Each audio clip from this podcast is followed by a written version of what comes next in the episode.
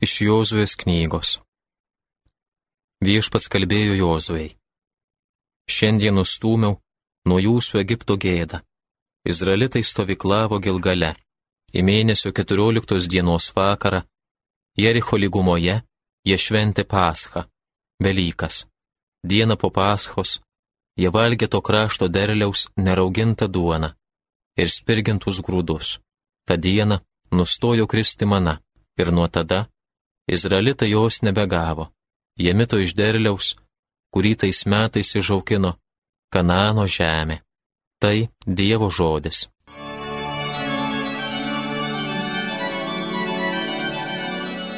Patyrinėkit ir pamatysit, koksai viešpats geras. Aš visuomet viešpati gerbsiu, mano burna šlovins jį nuolat, tuo mano siela didžiuojas, tegu nuskriaustieji tai girdi ir džiaugias patirinėkit ir pamatysit, koksai viešpats geras. Su manimi visi šlovinkit Dievą, aukštinkim viešpaties vardą kaip vienas. Viešpaties ieškau, jis atsiliepia ir išvaduoja mane iš baisybių. Patirinėkit ir pamatysit, koksai viešpats geras. Žvelkite jį ir jums nušvis veidas, nebeteks rausti iš gėdos. Štai vargšas šaukės ir viešpats išgerdo iš visų bėdų išvadavo. Patirinėkit ir pamatysit, koksai viešpats geras.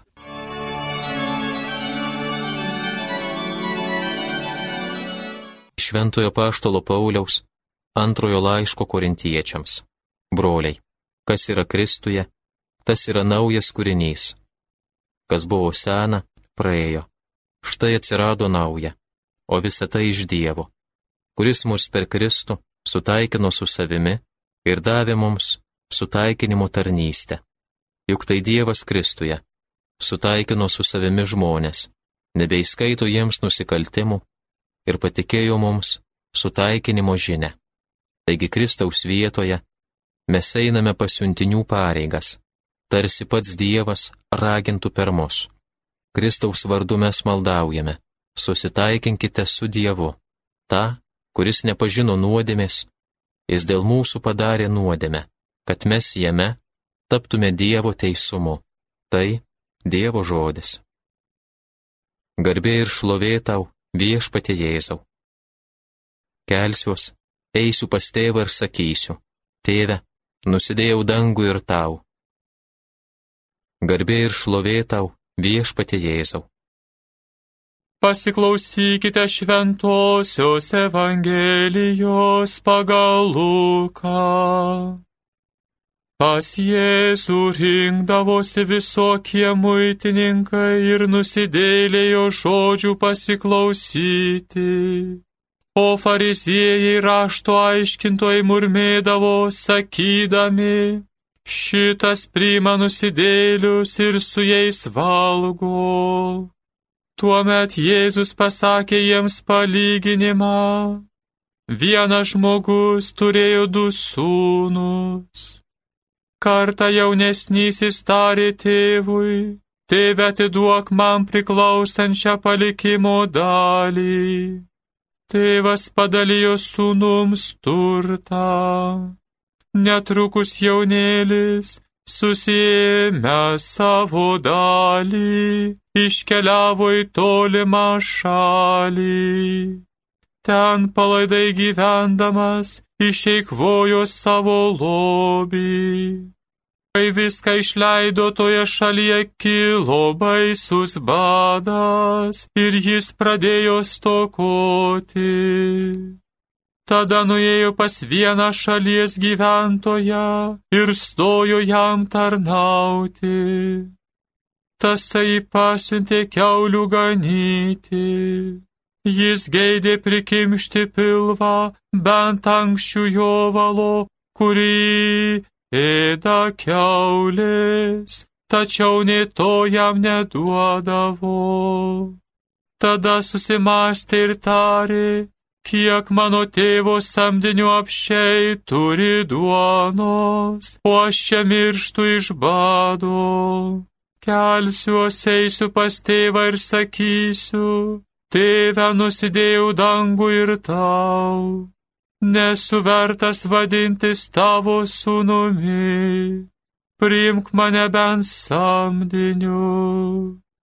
Jis pasiryžo ir iškeliavo pas tėvą. Tėvas pažino iš tolo, labai susigaudino, pribėgo prie jo, puolė ant kaklo ir pabučiavo. O sūnus prabilo, tėve nusidėjau dangų ir tau, nebesu vertas vadintis tavo sūnumi. Bet tėvas įsakė tarnams, kuo greičiau atneškite geriausią drabužį ir apvilkite jį. Užmaukite jam ant piršto žiedą, apaukite kojas atveskite nupenėtą veršį ir papjaukite. Puotaukime, linksminkimės, nes šis mano sūnus buvo miręs ir vėl atgyjo, buvo pražuvęs ir atsirado, ir jie pradėjo linksmintis. Tuo metu vyresnysis sūnus buvo laukuose. Eidamas namo ir prisartnęs prie sodybos, išgirdo muziką ir šokius. Jis pasišaukė tarną ir paklausė, kas čia dedasi. Tas jam atsakė, sugrįžo tavo brolis Tai tėvas liepė papjauti nupenėtą veršį, kad sulaukė jos veiko. Tada šis supyko ir nenorėjo eiti namo. Tėvas išėjęs pradėjo vadinti į vidun, o jis atkirto tėvui. Štai jau tiek metų tau tarnauju ir niekada tavo įsakymo neperžengiau o tu man nei karto nesidavęs, nei ožiuko pasilinksminti su draugais. Bet vos tik sugrįžo šitas tavo sūnus, prarijęs tavai turtą su bloga draugija. Tu bematant jam papjoviai peniukšlį. Tėvas atsakė, vaikeli, tu visuomet su manimi ir visa, kas mano, yra ir tavo. Bet reikėjo puotauti bei linksmintis, nes tavo brolis buvo miręs ir vėl atgyjo. Buvo žuvęs ir atsirado.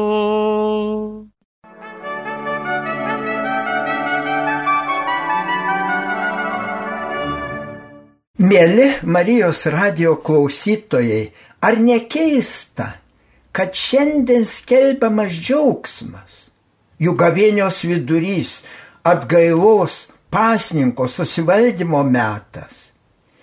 Skelbiama vis ir skelbiama raginimas nedaryti pasilinksminimų.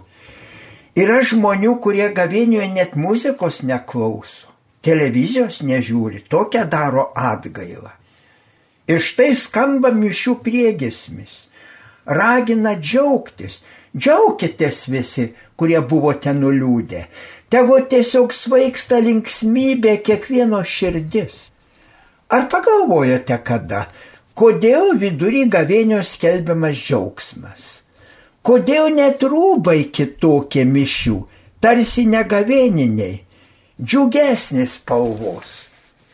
Į šį klausimą atsako šiandienis Dievo žodis.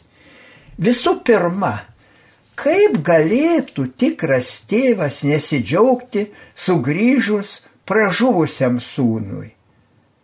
Tas jo džiaugsmas taip ypatingai didelis, kad jis net sako vyresniam sūnui reikia ir tau džiaugtis sunau, nes tavo brolis buvo myręs ir vėl atgyjo, buvo žuvęs ir atsirado.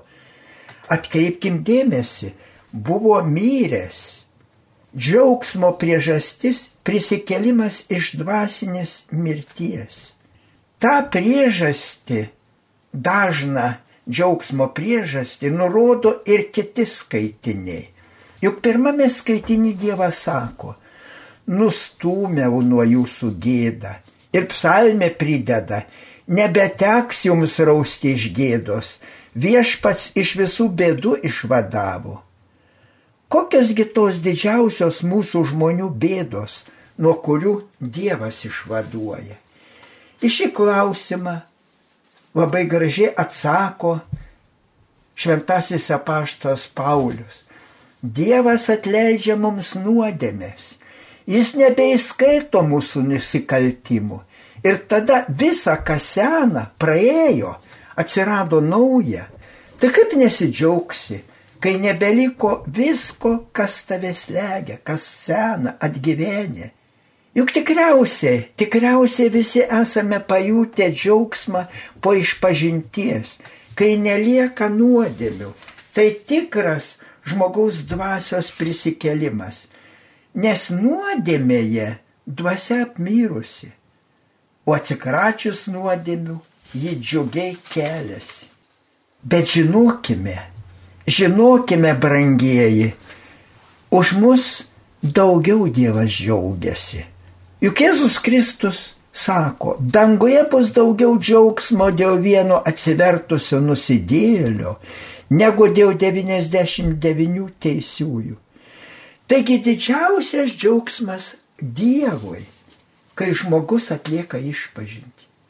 Dievas džiaugiasi, kai aš atsisakau nuodėmių. Ir jis kenčia, kai aš gyvenu nuodėmėje. Kiekviena nuodėmė sukelia Dievui skausmą. Turbūt visi esate girdėję apie didįjį Dostojevskį. Jis buvo labai paklydęs, praloždavo visus pinigus, šeimą įstumdavo į baisų vargą. Iš tai jis prisikėlė, tapo giliai tikinčių. Tada rašė tik tai, ką žmonės daro geresniais, šventesniais. Ir atėjo laikas, jis jau guli mirties patale. Prašo paskaityti tą Evangeliją apie sūnų palaidūną. Ir sako aplink stovintiems, tai apie mane Noriu dar kartą išgirsti, kaip Dievas dėl mano prisikėlimo džiaugiasi. Jis laukia manęs, kad galėtų apkabinti. Nes dabar visai pasigai sugrįžau. Jau jaučiu, kaip Dievas džiaugiasi. Ir jūs visi, sako jis tada visiems stovintiems, be galo pasitikėkite Dievu Niekada nesuabejokite jo gerumu, gailestingumu.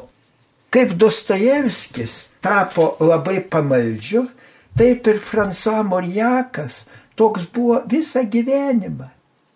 Nepaprastai pamaldus kaip vaikas. Tokiais yra daugelis tikrai didžių žmonių.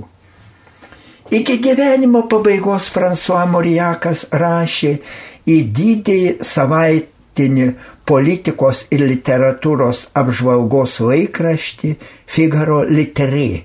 Rašė straipsnius. Paskutinis tame laikrašte straipsnis pasirodė jo mirties dieną. Korespondentai matyt prisiminė, kad jis buvo rašęs. Mano mirtis bus vienintelis įvykis, kurio aš pats neprašysiu. Ir tada, kai jis tai parašė, jo paklausė, kaip jis aprašytų savo būsimąjį dangaus gyvenimą. Iš tai, ką jis tada atsakė, negaliu net įsivaizduoti dangaus gyvenimo, tik žinau, kad Dievas ten savuosius nustebins. Kokia teisinga mintis. Juk šventame rašte parašyta, ko akis neregėjo, ko ausis negirdėjo, kas žmogui įminti netėjo, Tai paruošė Dievas tiems, kurie jį myli. Targi tai nenustebinimas. Bet kodėl Dievas taip nori mus nustebinti? Dėl to, kad Dievas neskaičiuoja. Šventoji Teresėlė rašė, Dievo meilė duoda neskaičiuodama, tik žmogus skaičiuoja. Juk girdėjome, šiandien girdėjome, kaip skaičiuoja vyresnis brolis brolio palaidūno elgesį. O Dievas neskaičiuoja, tik laukia ir laukia. Ispanijoje vienoje bažnyčioje dešinė nukryžiuotojo ranka ištiesta į priekį. Žmonės iš kartos į kartą pasakoja tokią istoriją. Vienas vyriškis vis atlikdavo išpažinti, su tvirtu pažadu nenusidėti. Ir jis tų pačių daugybę nuodėmių vėl ir vėl daug kartų. Kunigas suabejojo jo pasiryžimo tvirtumu ir nedavė išrišimo. Ta akimirka nuo vienės išsilaisvino nukryžiuotojo ranka, peržegnojo tą vyrą ir sako, aš tau atleidžiu.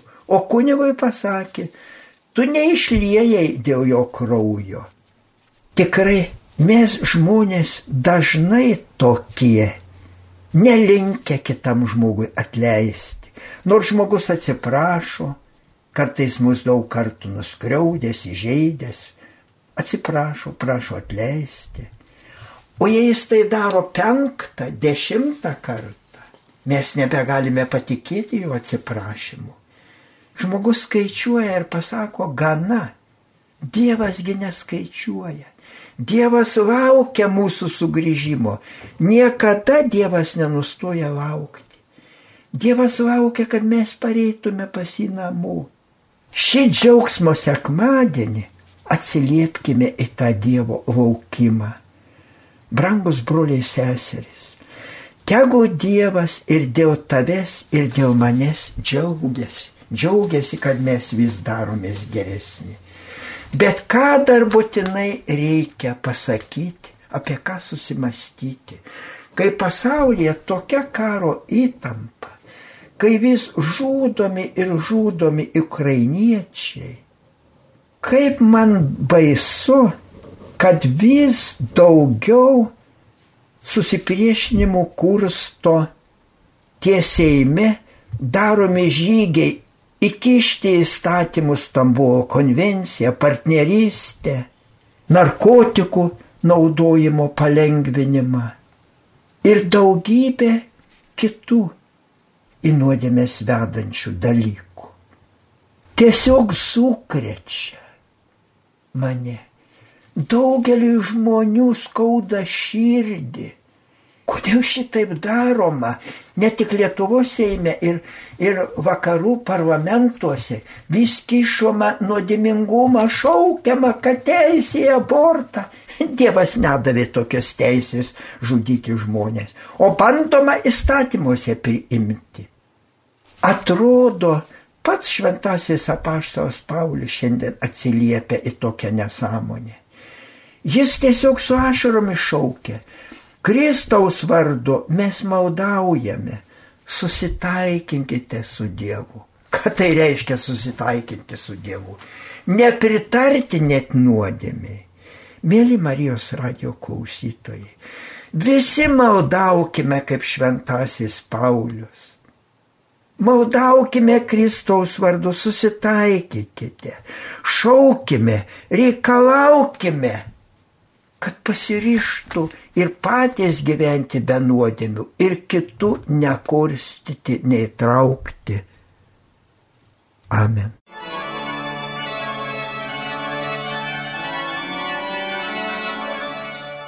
Evangeliją gėdojo kunigas daktaras Vilius Sikorskas.